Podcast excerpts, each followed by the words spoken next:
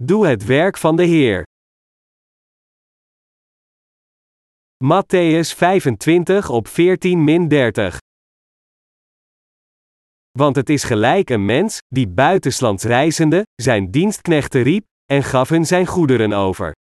En den een gaf hij vijf talenten, en den ander twee, en den derden een, een iegelijk naar zijn vermogen, en verre is de terstond. Die nu de vijf talenten ontvangen had, ging heen, en handelde daarmede, en won andere vijf talenten. Desgelijks ook die de twee ontvangen had, die won ook andere twee. Maar die het ene ontvangen had, ging heen en groef in de aarde, en verborg het geld zijns heren. En na een lange tijd kwam de heer van dezelfde dienstknechten, en hield rekening met hen. En die de vijf talenten ontvangen had, kwam, en bracht tot hem andere vijf talenten, zeggende: Heer, vijf talenten hebt gij mij gegeven, zie, andere vijf talenten heb ik boven dezelfde gewonnen. En zijn heer zeide tot hem: Wel, gij goede en getrouwe dienstknecht. Over weinig zijt gij getrouw geweest, over veel zal ik u zetten, ga in, in de vreugde uws heren. En die twee talenten hebt gij mij gegeven, zie, twee andere talenten heb ik boven dezelfde gewonnen. Zijn heer zeide tot hem, wel, gij goede en getrouwe dienstknecht, over weinig zijt gij getrouw geweest, over veel zak ik u zetten, ga in, in de vreugde uws heren. Maar die het ene talent ontvangen had, kwam ook en zeide, Heer, ik kende u, dat gij een hard mens zijt, maaiende, waar gij niet gezaaid hebt, en vergaderende vandaar, waar gij niet gestrooid hebt, en bevreesd zijnde, ben ik heen gegaan, en heb uw talent verborgen in de aarde. Zie, gij hebt het uwe.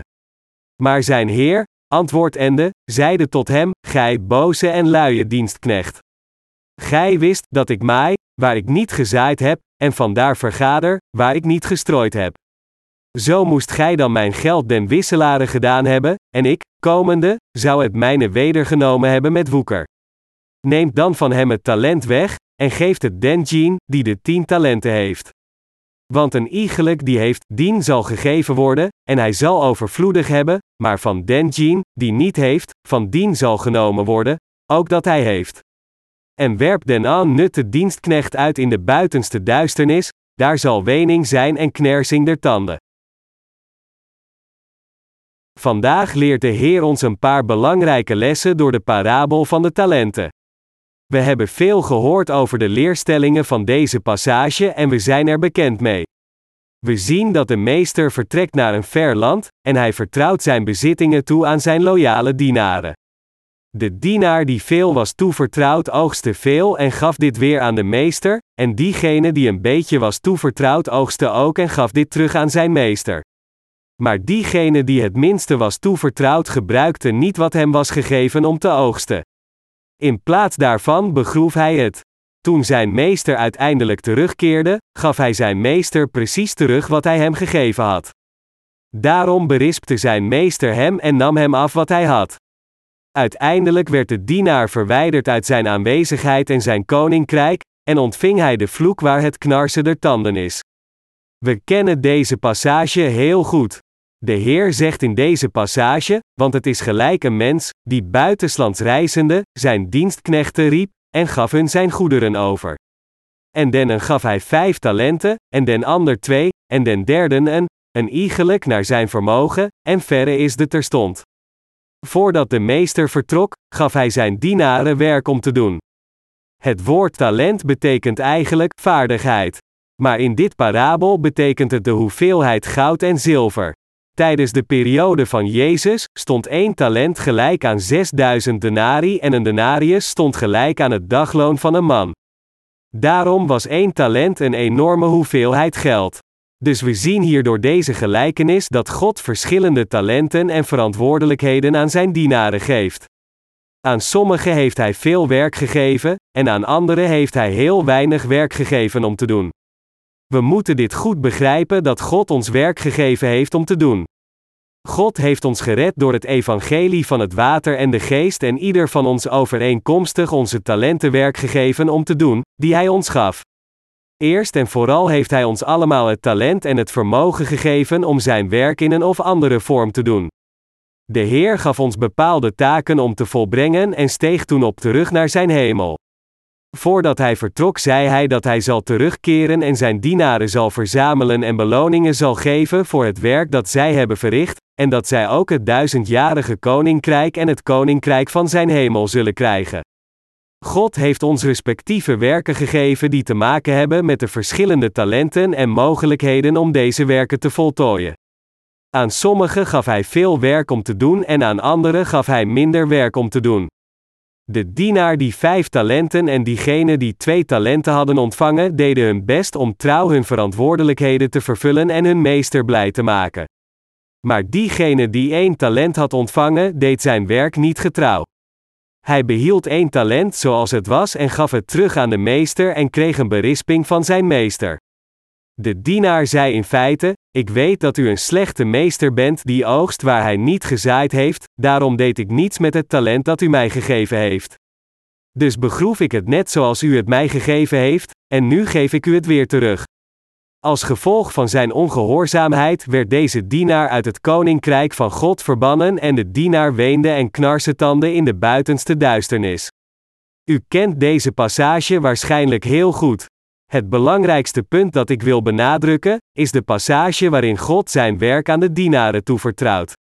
God heeft aan ieder van ons die de vergeving van zonde hebben ontvangen talenten gegeven om zijn werk uit te voeren. Sommigen zijn getalenteerd in het ene gebied, terwijl anderen getalenteerd zijn in een ander gebied. Iedereen die de vergeving van zonde heeft ontvangen, is zonder uitzondering het vermogen en de talenten gegeven om Gods werk te doen. Hiermee heeft God ons, die de vergeving van zonde hebben ontvangen, zijn werken toevertrouwd. Hij heeft bepaalde heiligen enorme verantwoordelijkheden gegeven, en voor anderen een kleine hoeveelheid, alles volgens onze individuele talenten. Maar we zien dat diegene die één talent had ontving, zelfs geen vinger uitstak om het werk te doen. Deze persoon heeft misschien het evangelie ontvangen, maar hij erkende niet dat God hem in feite het talent en hem werken had gegeven die ermee te maken hadden. Hij luisterde gewoon naar het evangelie en geloofde erin, maar negeerde alle geboden van God. Diegene die vijf talenten ontving, trok erop uit, produceerde vijf meer talenten en gaf vijf extra talenten terug aan zijn meester. Diegene die twee talenten ontving maakte ook meer talenten van hen, en gaf een totaal van vier talenten terug aan zijn meester. Maar diegene die één talent ontving, nam het talent die hij had ontvangen en gaf die terug aan zijn meester, zeggend: Ik wist dat u een harde man was en u geeft ons niet veel, maar u neemt van ons weg. Dus, met dit in gedachten, verborg ik wat u mij had gegeven en bracht het terug naar u net zoals ik het had ontvangen. U hebt ons niets anders gegeven dan werken. Dus hier is het talent dat u mij had toevertrouwd. Hoe moeten we leven nadat we de vergeving van zonde hebben ontvangen? Wat zegt de Heer tegen diegenen die de vergeving van zonde hebben ontvangen? Wat zegt deze passage tegen diegenen die de vergeving van zonde hebben ontvangen? Kunnen we Gods werk niet doen nadat we de vergeving van zonde hebben ontvangen? Hoe kunnen we Gods werk niet doen als we allemaal onze respectieve talenten hebben ontvangen? Sommigen hebben het talent ontvangen om met computers te werken, anderen hebben veel kracht en het talent gekregen om die kracht te gebruiken, en weer anderen hebben een talent ontvangen met hun handen, voeten of andere talenten om de Heer op verschillende manieren te dienen. God heeft ieder van ons bepaalde werken gegeven om te doen, zodat we de Heer op een bepaald gebied kunnen dienen. Hoe kunnen we dan denken dat het goed is voor iemand die de vergeving van zonde heeft ontvangen om te weigeren Gods werk te doen? Dit gaan we vandaag zorgvuldig overwegen. De Heer zegt hier dat het een grote fout is en een slechte houding om te denken dat er niets mis mee is voor iemand die de vergeving van zonde heeft ontvangen, om te weigeren Gods werk te doen. Diegenen die de vergeving van zonde hebben ontvangen, hebben geen ander alternatief dan Gods werk te doen. Mensen die niet Gods werk doen zijn slecht. Hoe beschouwt God zulke mensen? Hij beschouwt hen als mensen die niet de vergeving van zonde hebben ontvangen. In feite zijn mensen die de vergeving van zonde hebben ontvangen, maar weigeren zijn werk te doen, al dood. God heeft ons met zijn werk toevertrouwd nadat Hij ons liet begrijpen en geloven in het evangelie van het water en de geest. Hoe kunnen we dan niet het werk van de Heer doen? God beschouwt diegenen die zichzelf niet trouw toewijden aan zijn heilige werk dat Hij aan hen heeft toevertrouwd, als slechte en luie dienaren. Het werk van God is iets dat we moeten doen. Het is iets dat we nooit mogen verwaarlozen. Hoe behandelt God diegenen die weigeren Gods werk te doen? Hij behandelt hen als slechte mensen. Zo iemand draagt slechte vruchten en ontvangt uiteindelijk een godsvloek. Wat zal er gebeuren als u de vergeving van zonden ontvangt en niet Gods werk doet, door te zeggen: Ik heb in feite de vergeving van zonden ontvangen, maar wat zal er gebeuren als ik niet zijn werken doe? Ongetwijfeld zult u dan proberen de verlangens van uw vlees te vervullen, rijkdom vergaren, bidden met handoplegging op de hoofden van andere mensen en erover opscheppen. Daarna probeert u een enorme hoeveelheid geld te verzamelen om een groot huis en een flitsende auto te kopen om rijkelijk te leven. Doet u dat niet? Natuurlijk wel. Maar als u niet Gods werk als een goddelijk persoon doet die het evangelie kent en erin gelooft, en iemand bent die met zijn werk is toevertrouwd, wat zal God dan van u denken?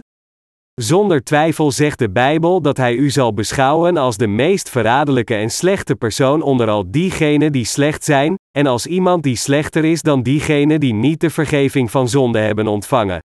De Heer zei, maar die Denzelfen niet geweten heeft, en gedaan heeft dingen, die slagenwaardig zijn, die zal met weinige slagen geslagen worden. En een iegelijk, wien veel gegeven is, van dien zal veel geëist worden, en wien men veel vertrouwd heeft, van dien zal men overvloediger eisen. Lucas 12, vers 48. Wat zal er gebeuren als we nalatig worden met Gods werk en het evangelie niet dienen nadat we de zaligmaking hebben ontvangen? Voor God zullen we zijn als een doorn in zijn ogen, zoals de kinderen van de slang. We zullen eruit zien als mensen die zielen van de wereld doden tegen zijn wil, in plaats van deze kostbare zielen te redden zoals door hem bevolen. Ze zullen in de hel worden gegooid. Zijn zij gered geworden? Welke zaligmaking? Alles is teniet gedaan. Dit is wat God zal doen als Hij naar diegenen kijkt die niet het evangelie dienen. Zo zijn zelfs de dingen in de wereld, thuis, zijn er ouders en de kinderen, en bij bedrijven zijn er directeuren en de werknemers. En in een bedrijf zijn er afdelingen, elke afdeling heeft een baas en medewerkers die het respectieve werk uitvoeren.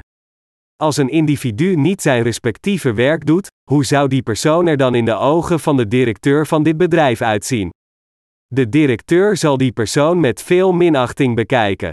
Hoe zal de directeur van het bedrijf zich voelen als een medewerker voortdurend ontevreden is, alles over het bedrijf bekritiseert, geen rekening houdt met het bedrijf, stakingen houdt en altijd om een loonsverhoging vraagt?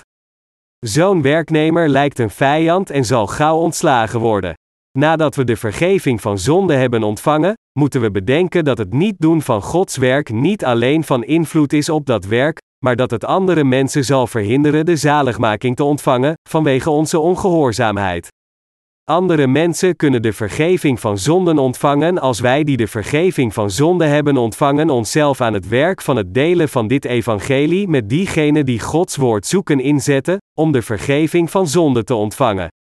De Heer zegt dat Hij ons zal ondervragen over de zonde van het niet getuigen van dit evangelie. Als we dit werk verwaarlozen, zijn de gevolgen van deze acties dat we mensen verhinderen om de ware zaligmaking te ontvangen. In Ezekiel kunnen we zien dat God de wachter ter verantwoording zal roepen als de natie wordt ingevallen vanwege de verwaarlozing van de wachter in zijn plicht. Ezekiel 33 vers 6. Ik ging ooit door een zeer moeilijke tijd nadat ik de vergeving van zonde had ontvangen. Ik dacht zelfs, ik zou mijn werk moeten neerleggen voor de vrede in mijn huishouden. Ik zou mijn mond moeten houden omwille van de mensen om mij heen. Ze zullen meer worden getroost als ik het evangelie niet meer dien. Wat zou er gebeurd zijn als ik aan deze situatie had toegegeven en mijn mond had gehouden? Als eerste zou mijn familie dit evangelie niet gehoord hebben.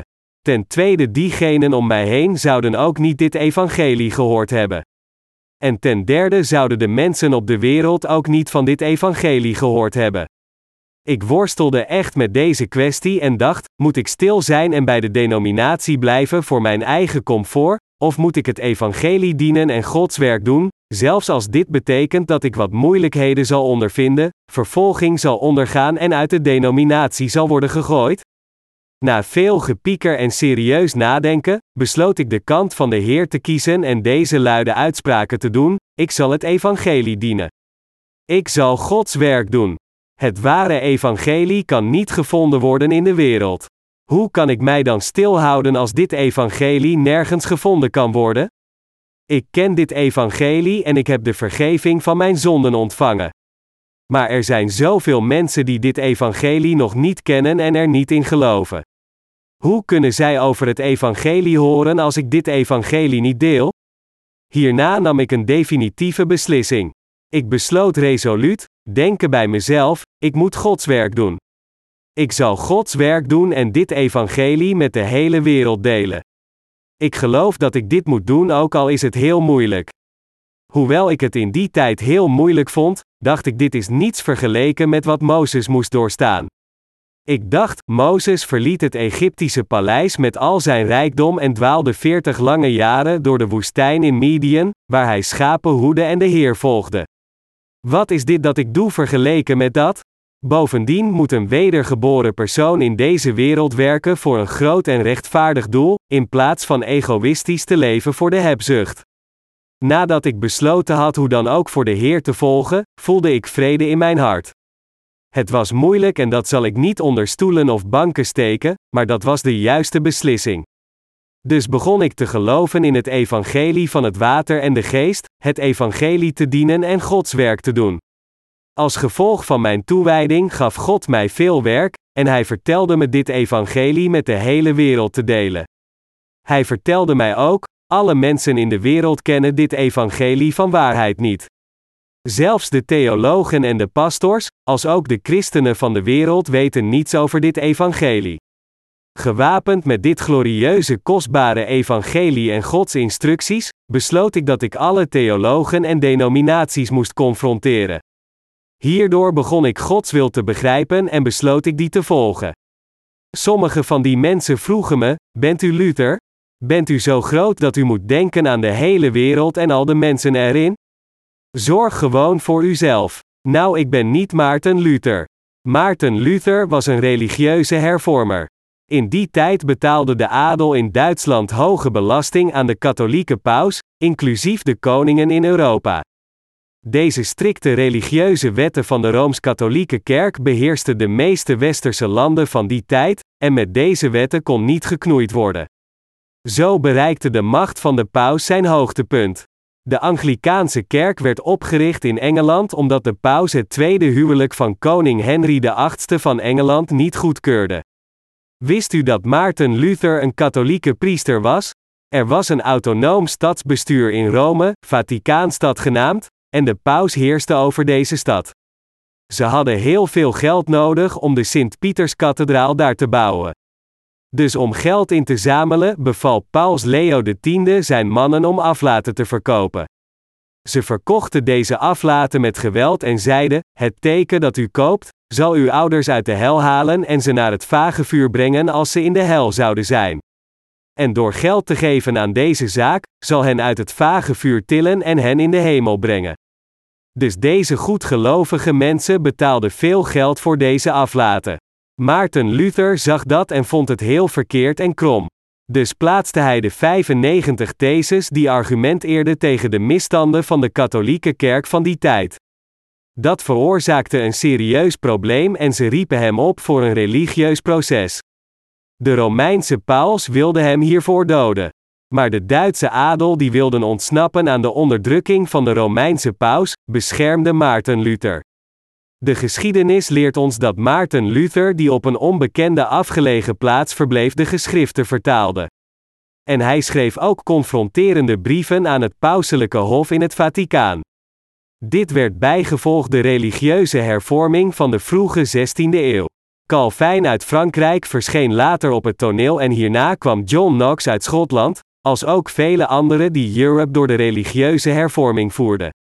Echter, de religieuze hervorming had absoluut niets te maken met de waarheid van het evangelie van het water en de geest. Deze zogenaamde religieuze hervormers predikten niet de evangelische waarheid over het water en de geest. Ik geloof dat God talenten en vaardigheden heeft gegeven aan iedereen die de vergeving van zonde heeft ontvangen en dat Hij hen met zijn werken heeft toevertrouwd. We kunnen dit ook in de geschrifte passage van vandaag zien. Deze wereld zou niet in staat zijn de zaligmaking te ontvangen als de wedergeboren mensen die oprecht wedergeboren zijn gewoon hun zaligmaking zouden ontvangen en dan het werk van God zouden vergeten. Dat is waarom ik u eraan herinnere dat diegenen die niet Gods werk doen nadat ze de vergeving van zonde hebben ontvangen slecht zijn. Ze zijn de meest verraderlijke boosdoeners onder al diegenen die slecht zijn.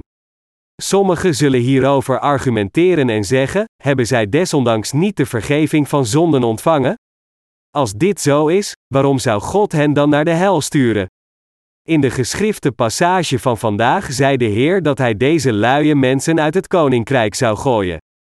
Laten we Matthäus 25 op 24-25 samen lezen, zodat u niet denkt dat ik dit zelf verzin.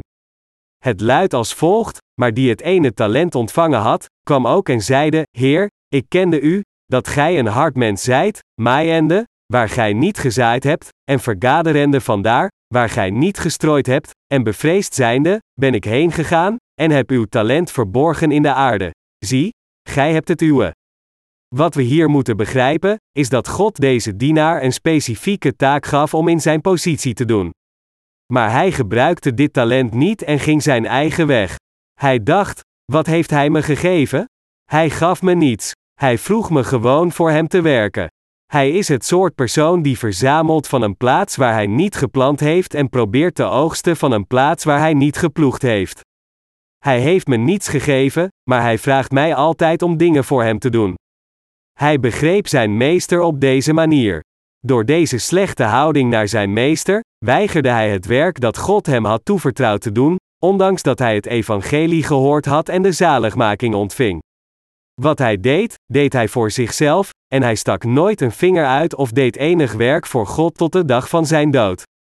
Uiteindelijk keerde de meester terug toen hij hem niet verwachtte.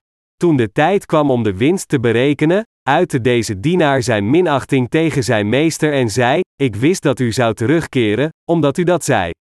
U bent echt een harde man, want u vraagt ons om voor niets voor u te werken. We begrijpen hieruit dat de Heer talenten en zegeningen heeft gegeven aan een persoon die de vergeving van zonde had ontvangen, en die persoon zijn werk had toevertrouwd. Maar de dienaar dacht dat het talent zijn eigendom was en deed zijn eigen werk in plaats van iets voor God te doen. Hoe zal de Heer een dergelijk persoon behandelen? Alleen straf wacht hem, ook al heeft hij de ware boodschap geaccepteerd. Er staat in vers 26 tot 30, maar zijn Heer, antwoordende, zeide tot hem: Gij boze en luie dienstknecht. Gij wist dat ik maai, waar ik niet gezaaid heb, en vandaar vergader, waar ik niet gestrooid heb. Zo moest gij dan mijn geld den wisselaren gedaan hebben, en ik, komende, zou het mijne wedergenomen hebben met woeker. Neemt dan van hem het talent weg, en geeft het den Jean, die de tien talenten heeft.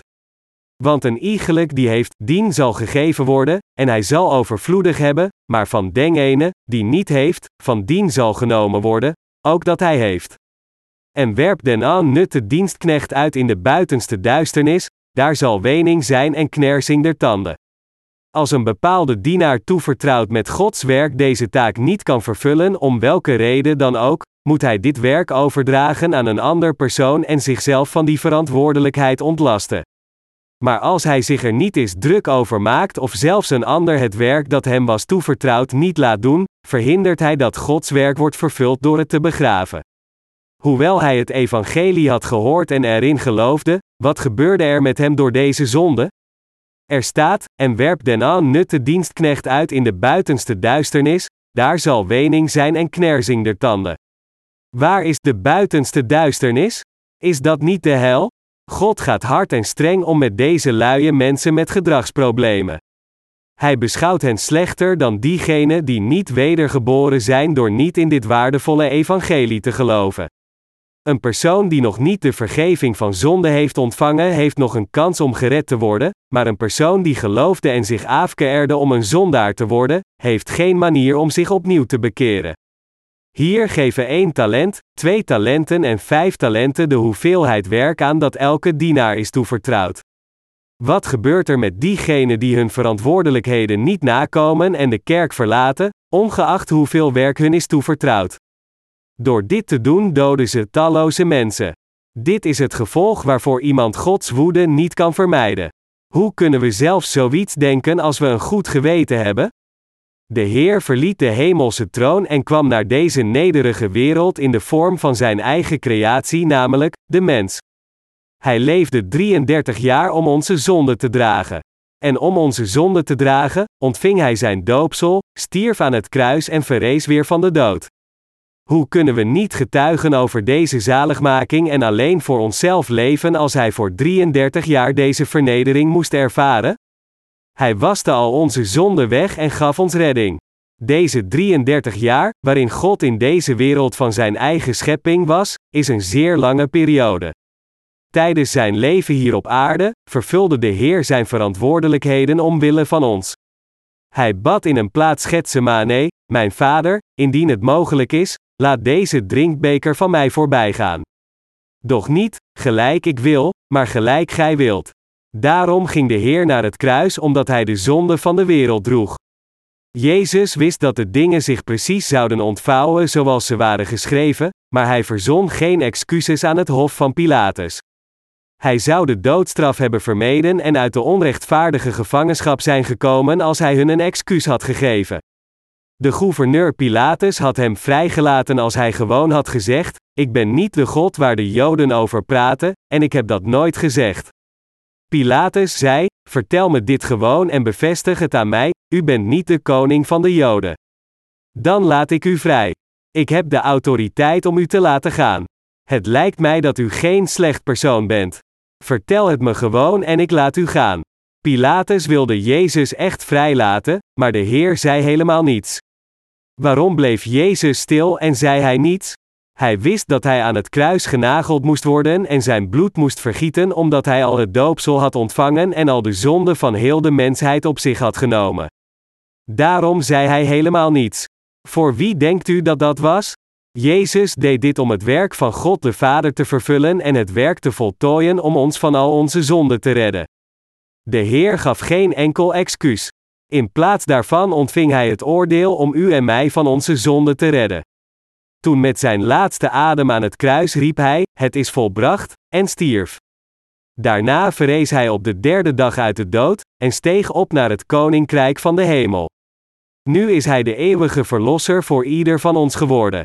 Filippenzen 2 vers 7 zegt, maar heeft zichzelf vernietigd, de gestaltenis eens dienstknechts aangenomen hebbende, en is den mensen gelijk geworden. Waren we oorspronkelijk de ware zonen van God? Nee, natuurlijk niet. We waren slechts zondige wezens. Voor wezens zoals ons, stuurde God de Vader zijn enige geboren zoon naar deze wereld, liet hem al onze zonden door het water en het bloed uitwissen, en gaf ons zijn perfecte zaligmaking. Daarom zijn we nu in staat de zaligmaking te ontvangen door het evangelie van het water en de geest dat Hij ons gegeven heeft, om zo de kinderen van God te worden. God gaf Zijn kinderen het werk om het evangelie aan de mensen van deze wereld te prediken. Als wij de kinderen van God weigeren het werk dat Hij ons heeft toevertrouwd te doen, wie zal dan dit kostbare werk doen? Wat voor een soort persoon zullen we worden als we dit werk niet doen? We zullen een ondankbaar persoon worden die niet geschikt is om gebruikt te worden in zijn koninkrijk. Ik ben ook een menselijk wezen, en er spelen veel gedachten door mijn hoofd. Maar ik geloof resoluut in Hem en Beke, het maakt niet uit in welke moeilijke omstandigheid of ontbering ik mij bevind, en het maakt zelfs niet uit of ik goed werk doe of niet. Waar het om gaat is of ik mijn uiterste best doe.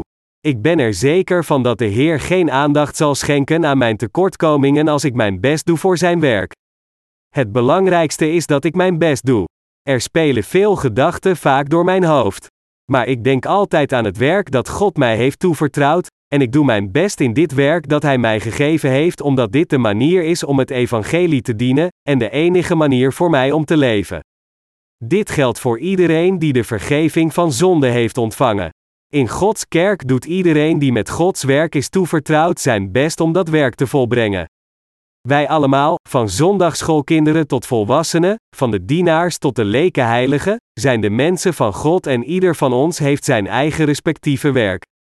We zouden voor God zondigen als wij het werk dat Hij ons heeft toevertrouwd niet zouden doen. Als een persoon weigert Gods werk te doen, kunnen wij daar niets aan veranderen, maar die persoon moet de consequenties van zijn daden goed begrijpen. Mensen die zich zo gedragen zullen van de bijeenkomst gescheiden worden, en diegenen die gescheiden zijn, zijn diegenen die hun eigen hebzucht volgen. Mensen die Gods werk niet doen nadat ze de vergeving van zonde hebben ontvangen zijn slecht. En dat is nog niet alles. Deze mensen zullen naar de hel gaan. Denkt u dat u veilig bent alleen maar omdat u de vergeving van zonde hebt ontvangen? Wie kunnen er slechter zijn dan diegenen die niet Gods werk doen nadat ze de vergeving van zonde hebben ontvangen? Wie kunnen er slechter zijn dan diegenen die niet Gods werk doen hoewel ze weten wat ze moeten doen en wat er van hem wordt verwacht? We zijn op veel manieren ontoereikend en kwetsbaar. Hoewel we deze tekortkomingen hebben, gaan we door en doen het werk met het talent dat God ons gegeven heeft.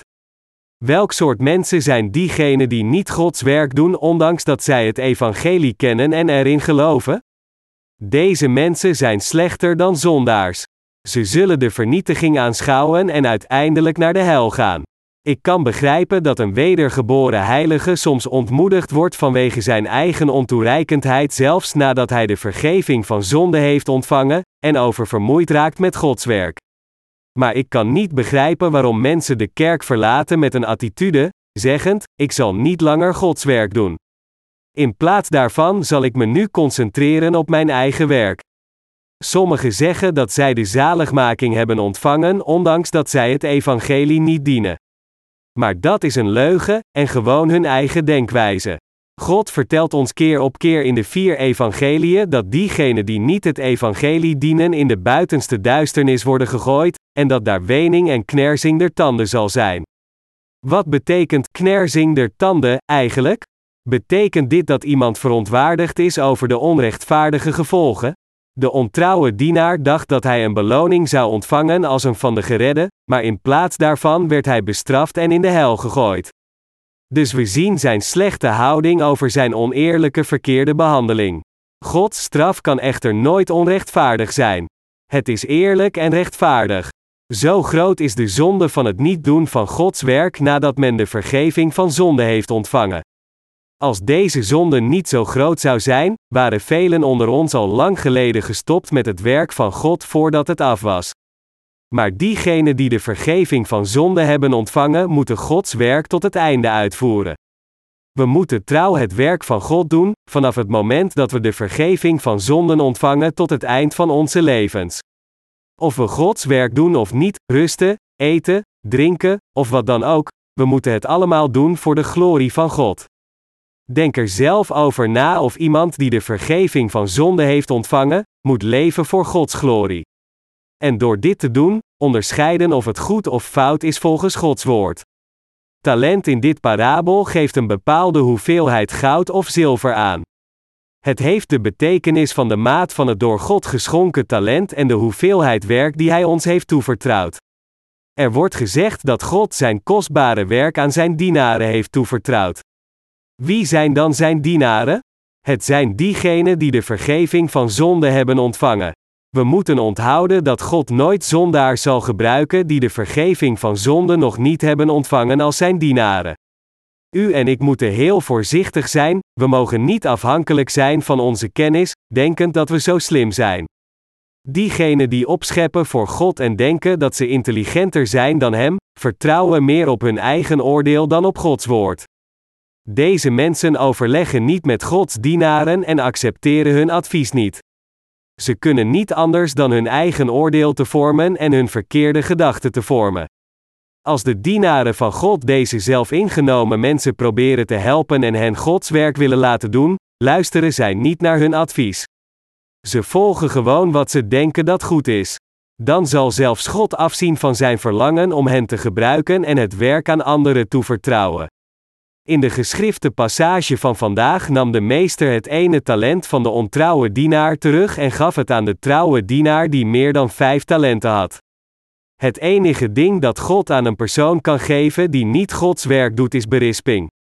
Maar God geeft veel lof en zegen aan diegenen die trouw zijn aan de taak die hen is toevertrouwd. Is het pijnlijk of is het vreugdevol om Gods werk te doen?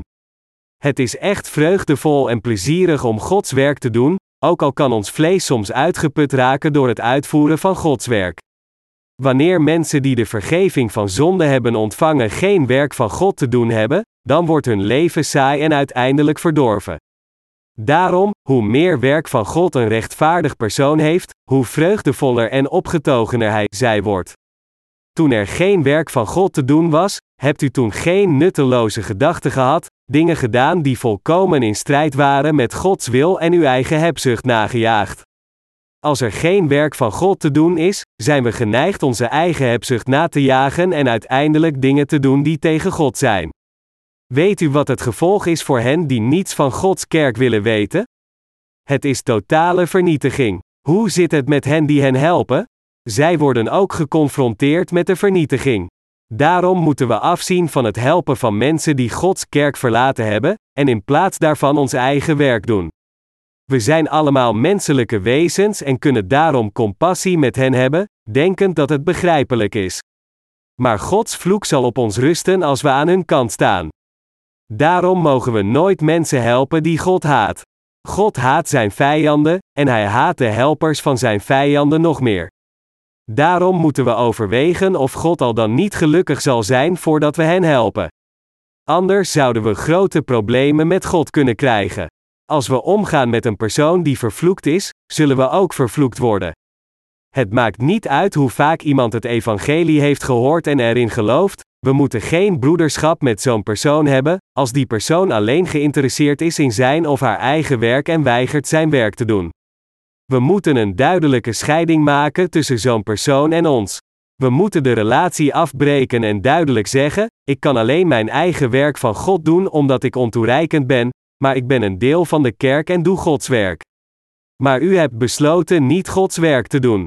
Daarom moet ik onze relatie verbreken. Sommige mensen beschouwen deze ontrouwe mensen die weigeren Gods werk te doen als wijs of moedig. Dat is een dwaas idee van een onverstandig persoon op basis van zijn of haar eigen denken en oordeel. God verafschuwt en haat de meeste mensen die zijn werk niet doen. Maar, God houdt het meest van diegenen die zijn werk willen doen, ondanks hun vele tekortkomingen. Weet u waarom God van mij houdt? Hij houdt van me omdat ik Gods werk doe ondanks mijn vele tekortkomingen. Kent u de reden waarom God van u houdt? God houdt niet alleen van u omdat u de vergeving van zonde hebt ontvangen. God houdt van u omdat u Gods werk doet in plaats van uw eigen persoonlijke hebzucht te volgen. God heeft iedereen gelijk lief, die zijn kinderen zijn geworden door de vergeving van zonde te ontvangen. God houdt van al zijn kinderen evenveel omdat elk van hen zeer kostbaar voor hem is. God houdt echt van diegenen die vrijwillig het werk van God de Vader in zijn aanwezigheid doen. Of ze nu veel of weinig doen, diegenen die trouw zijn aan het hun toevertrouwde werk, zullen uiteindelijk overvloedige geestelijke vruchten dragen. Alles lijkt misschien soepel te gaan voor diegenen die Gods werk niet doen, maar zij zullen ernstige bestraffingen en vloeken van God ontvangen omdat zij als een doorn in zijn ogen zijn. Uiteindelijk zullen ze falen in alles wat ze doen. Is het moeilijk om Gods werk te doen? Als we hier even over nadenken, dan is het werken in deze wereld nog moeilijker dan Gods werk. We zouden harder moeten werken dan dit als we 3000 dollar per maand in deze wereld willen verdienen. Wij kunnen Gods werk samen doen. Maar we zouden ons werk in de wereld alleen moeten afmaken. Het is een grote zegen om samen Gods werk in Gods kerk te doen, omdat we ons kunnen inzetten voor een rechtvaardig doel, en voor al onze dagelijkse behoeften gezorgd zal worden. Levend in deze wereld zonder Gods werk te doen is een vervloekt leven.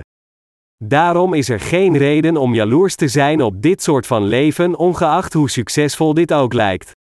Mensen kunnen opeens alles verliezen wat ze hebben, vanwege een terminale ziekte die tien keer zoveel kan opgebruiken als wat ze tijdens hun leven hebben verdiend. Dat is jammer genoeg het leven. Bedenk wat een grote zegen God ons heeft gegeven, wij die vroeger op zo'n manier leefden. God heeft zijn kerk in onze tijd gezegend.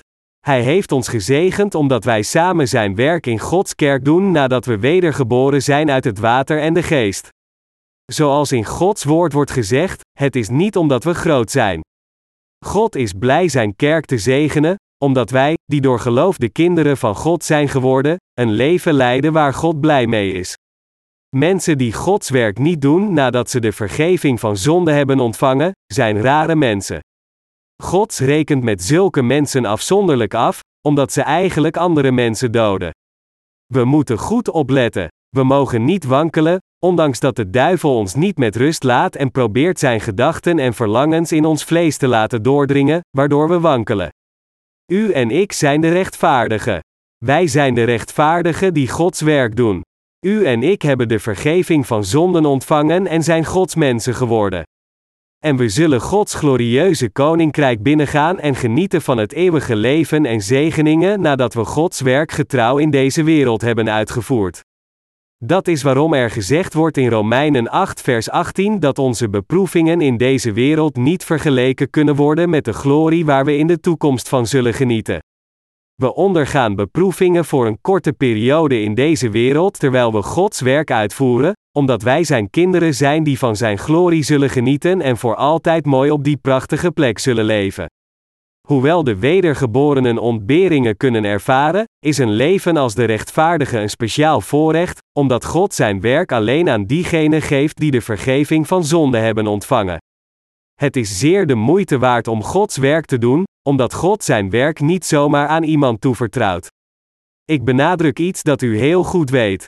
Een tijdje geleden vertelde een pastoor van onze missie me dat hij wilde stoppen met zijn werk, en dat hij een vaste baan wilde zoeken en als bezoeker naar de kerk wilde terugkomen. Het is een illusie om te denken dat een persoon die de Heer voltijds heeft gediend gewoon zomaar kan stoppen, een gewone baan kan hebben, de kerk blijft bezoeken en Gods werk in zijn of haar vrije tijd zal doen. Het is veel moeilijker om een vaste baan te hebben, de kerk te bezoeken en de Heer te dienen dan uzelf volledig aan het werk van God toe te wijden. Als een medewerker zegt dat hij of zij wil stoppen met het werk en een regulier lid wil worden, betekent dit, eerlijk gezegd, dat ze Gods werk niet willen doen. Deze persoon zal deze situatie een tijdje doorstaan, maar dan volledig uit de kerk verdwijnen om dan op een dag weer te verschijnen als een vijand van het evangelie, om de kerk schade toe te brengen. Sommige mensen zeggen zelfs: Ik zal Gods werk buiten Gods kerk doen. Maar hoe kan een persoon Gods werk doen buiten de werkplek van God? En weer anderen zeggen dat ze Gods werk van het evangeliseren van de wereld willen ondersteunen door wereldse rijkdom te verdienen en ze naar de kerk te sturen, ook al verlaten ze de kerk. Gods kerk heeft deze donaties niet nodig. God gebruikt dit soort geld niet. Geld kan elke moment worden verstrekt wanneer God zegent. U en ik hebben een verantwoordelijkheid naar Hem toe als de kinderen van God. Het is een mooie verantwoording, want wij werken in een plaats die ons is toevertrouwd. Maar er kunnen van tijd tot tijd vleeselijke gedachten in onze harten opduiken. Soms verlangen we ernaar voor onszelf te leven. Op die momenten moeten we deze gedachten moedig overwinnen door te zeggen: In naam van Jezus Christus, beveel ik u, Satan. Ga weg. God heeft ons de zaligmaking gegeven. En Hij wil onze handen, voeten, monden en al het andere gebruiken voor Zijn werk. Als we Gods werk willen dienen, moeten we alles geven wat God ons gegeven heeft door de wil van God te vervullen. Denk niet dat alles alleen met geld kan worden opgelost. Ik heb medelijden met de werkers die erover nadenken Gods werk op te geven en de kerk te verlaten. Daarom raad ik hen aan niet te stoppen met het werk die Gods kerk hen heeft toevertrouwd. Ik waarschuw al diegenen die zijn gestopt met hun werk en zijn teruggegaan naar de wereld om daar te werken omdat ze uiteindelijk zullen stoppen met het bezoeken van de kerk. Ondanks dat ze zeggen dat ze als regulier lid het evangelie met materiële dingen zullen blijven dienen. We moeten Gods werk doen als we Zijn kerk bezoeken. Mensen die alleen naar de kerk komen voor de aanbiddingsdienst en meteen na de dienst vertrekken, zullen de kerk uiteindelijk verlaten. Daarom moet u nadenken over wat God wil dat u doet, en begin het gewoon te doen, ongeacht of uw voorgangers van geloof u vragen iets te doen of niet. Ik verwijt u niets, ik herinner er u alleen aan dat diegenen die weigeren of stilzitten door zijn werk niet te doen, door God worden gestraft en als een zondaar wordt beschouwd. Wie zal de zaligmaking ontvangen als niemand van ons Gods werk doet? Als diegenen die Gods werk moeten doen het werk niet doen, zullen anderen niet in staat zijn de zaligmaking te ontvangen. Deze mensen zullen het oordeel ontvangen als een slechte zondaar omdat ze feitelijk Gods werk onderbreken en belemmeren. Het gebed van de Heer zegt: Onze Vader, die in de hemelen zijt. Uw naam worden geheiligd. Uw koninkrijk komen. Uw wil geschieden, gelijk in den hemel alzo ook op de aarde, Matthäus 6 op 9 min 10. Omdat het Gods wil is, moet het koninkrijk van God dus ook in deze wereld worden vervuld. Gods koninkrijk betekent Gods kerk en het vervullen van zijn koninkrijk, betekent het evangelie over de hele wereld te verspreiden, zodat veel zielen de verlossing van hun zonde kunnen ontvangen. In Gods kerk komen alle gelovigen samen en eren God terwijl ze Hem aanbidden en met elkaar broederschap delen. Zou God dan diegenen zegenen die niet zo'n werk doen? Deze wereld is het koninkrijk van de duivel, dus is het niet mogelijk om Gods koninkrijk te vestigen door bondgenootschappen met de wereld te vormen. Diegenen die alleen voor zichzelf werken worden zoals een schuinsmarcheerder die niet werkt als zijn maag vol is. We kunnen ijverig veel werk doen omdat we het voor anderen doen. We zouden niet in staat zijn zoveel te doen als we het voor onszelf zouden doen. Wat diegenen betreft die alleen voor zichzelf werken, zij zouden veel geld verdienen als zij zouden werken alsof ze God zouden dienen, maar zouden ze veel werk kunnen doen als zij alleen voor zichzelf leven? Als mensen alleen voor zichzelf zouden leven, zouden ze geneigd zijn te werken voor wat hun behoeften zijn. Wij doen het rechtvaardige werk, en het is lonend, en omdat het lonend is, blijven we het werk ijverig doen. Er is niet veel voor diegenen die alleen voor zichzelf leven. Deze mensen zijn nutteloos, ongeacht hoeveel geld zij ook hebben. Toen ik in Sokcho-stad, de provincie Gangwon in Korea woonde, had ik ooit een gesprek met een rijk persoon die een groot theater in de stad bezat. Hoewel hij miljoenen bezat, zei hij dat hij zijn noedels gekocht had met het geld dat hij had verdiend door recyclebare items van de straat te verzamelen, de radijs die er als bijgerecht werd bijgegeven mee naar huis had genomen en dit had gegeten bij zijn drankje. Hij zei dat hij zijn rijkdom op zo'n manier had opgebouwd. Ik wilde tegen hem zeggen: Ik hoor dat u veel geld hebt, niet waar? Waarom geeft u mij niet een miljoen won, 1 miljoen dollar dollar, en ik zal het gebruiken voor een waardevol doel? Wat hebt u eraan om het geld gewoon vast te houden? Het wordt alleen betekenisvol als u het gebruikt voor een rechtvaardig doel. Ik zal het voor een rechtvaardig doel in uw naam gebruiken. Mensen zijn niets anders dan een zielige vrek als ze gewoon voor zichzelf leven en niet genereus zijn voor anderen. Natuurlijk zijn we ook geneigd door veel dingen aan onszelf gebonden te zijn, maar de wedergeborenen moeten leven voor de rechtvaardige zaak. We moeten voor Gods werk leven tot het eind van onze levens, omdat God het ons heeft toevertrouwd. De beslissing om met Gods werk te stoppen moet met veel overweging worden genomen. Gods bescherming en alle zegeningen zullen voorbij zijn zodra we stoppen met het doen van Gods werk. Er kan alleen een vloek zijn als we niet doorgaan met het doen van Gods werk, zelfs als we de vergeving van zonde hadden ontvangen. En als de kinderen van God zouden omgaan met zondaars die niet Gods kinderen zijn, één met hen zouden worden, dan zou dit een kortere weg naar de vernietiging zijn. Alle zegeningen worden afgesneden als een persoon die de vergeving van zonde heeft ontvangen, met een persoon trouwt die niet is wedergeboren, en niet de leiding van de kerk ontvangt. Dat zal een einde maken aan het horen van Gods woord en het dienen van God. Als u toevallig begonnen bent met een wereldse kerk te bezoeken, een plaats waar God niet woont, gescheiden van de samenkomst van de rechtvaardigen, zelfs als u de kerk schoonmaakt, pijporgels koopt en gouden gordijnen in de kerk ophangt, betekent dit niet dat u God dient. Wat voor een persoon moeten we zijn na het ontvangen van de vergeving van zonde? Moeten we een persoon worden die trouw is aan Gods werk, of moeten we iemand worden die het gewoon met minimale inspanning doet? De keuze is aan u wat kunnen we doen als u de kerk wilt verlaten? Nogmaals, is er iets speciaals als u de kerk verlaat? Ik kan u een ding zeker vertellen: u schaadt uzelf en doet uzelf kwaad als u dit zou doen. Denkt u dat u verliezen hebt geleden en persoonlijke offers hebt gebracht terwijl u naar de kerk ging? Zou u niet zoveel geofferd hebben als u voor uzelf had geleefd? Ik zou u dit willen vertellen: probeer uzelf niet te verbinden met Gods kerk als u niet Gods werk doet, nadat u de vergeving van zonde hebt ontvangen. God is de meester van zijn kerk, dus snijdt hij diegenen af die hij ongepast vindt. U hebt waarschijnlijk dergelijke dingen zelf gezien. Ondanks dat niemand iets tegen hem gezegd had, verliet hij de kerk uit eigen beweging omdat hij niet in het evangelie geloofde. Maar het feit is dat God hem van de kerk had afgesneden. God zei dat een tak die geen vruchten voorbrengt, ook al is hij verbonden met de wijnstok afgesneden zal worden. Ondanks uw tekortkomingen, moet u in dit evangelie van het water en de geest geloven. En u moet Gods werk blijven doen, ook al bent u niet met veel werk toevertrouwd. We zullen de Heer ontmoeten nadat we het werk van de Heer stilletjes hebben uitgevoerd. Denkt u dat we een persoon kunnen helpen een succes te worden door die persoon geld te geven? U moet begrijpen en uw hart goed bewaken, want de wedergeborenen zullen ook worden afgesneden, als ze bevriend raken met een persoon die niet Gods werk doen. God weet alles. De person die één talent had ontvangen, zoals staat geschreven in Matthäus 25 op 14-30, was iemand die de vergeving van zonde had ontvangen. Die persoon was verraderlijk. Die persoon was erg slecht. De geschrifte passage van vandaag beschrijft deze slechte dienaar zonder het onderscheid van geslacht, en dus weten we niet of die persoon een man of een vrouw was. Maar het is een feit dat God diegenen die één talent hebben ontvangen, maar weigeren om zijn werk te doen als een slechte wezens beschouwt. Tot op de dag van vandaag hebben u en ik het evangelie trouw gediend.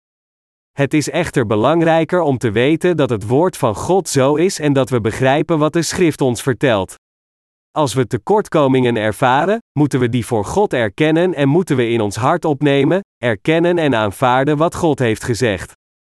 U moet beseffen, ik moet in het evangelie van het water en de geest geloven en Gods werk doen ondanks dat ik deze tekortkomingen heb. Ik kan niet anders dan zo te zijn vanwege mijn tekortkomingen. Maar ik denk dat ik deze dingen niet moet doen die God ongelukkig maken. En ga alstublieft niet om met diegenen die de vergeving van zonde hebben ontvangen, maar niet Gods werk doen. Zelfs door met zulke mensen om te gaan is genoeg om zijn vloek op uw hoofd te ontvangen. Kan ik echt weten wie u bent? Dat is niet mogelijk. Maar God kent u door en door en hij zal de rotte takken afsnijden.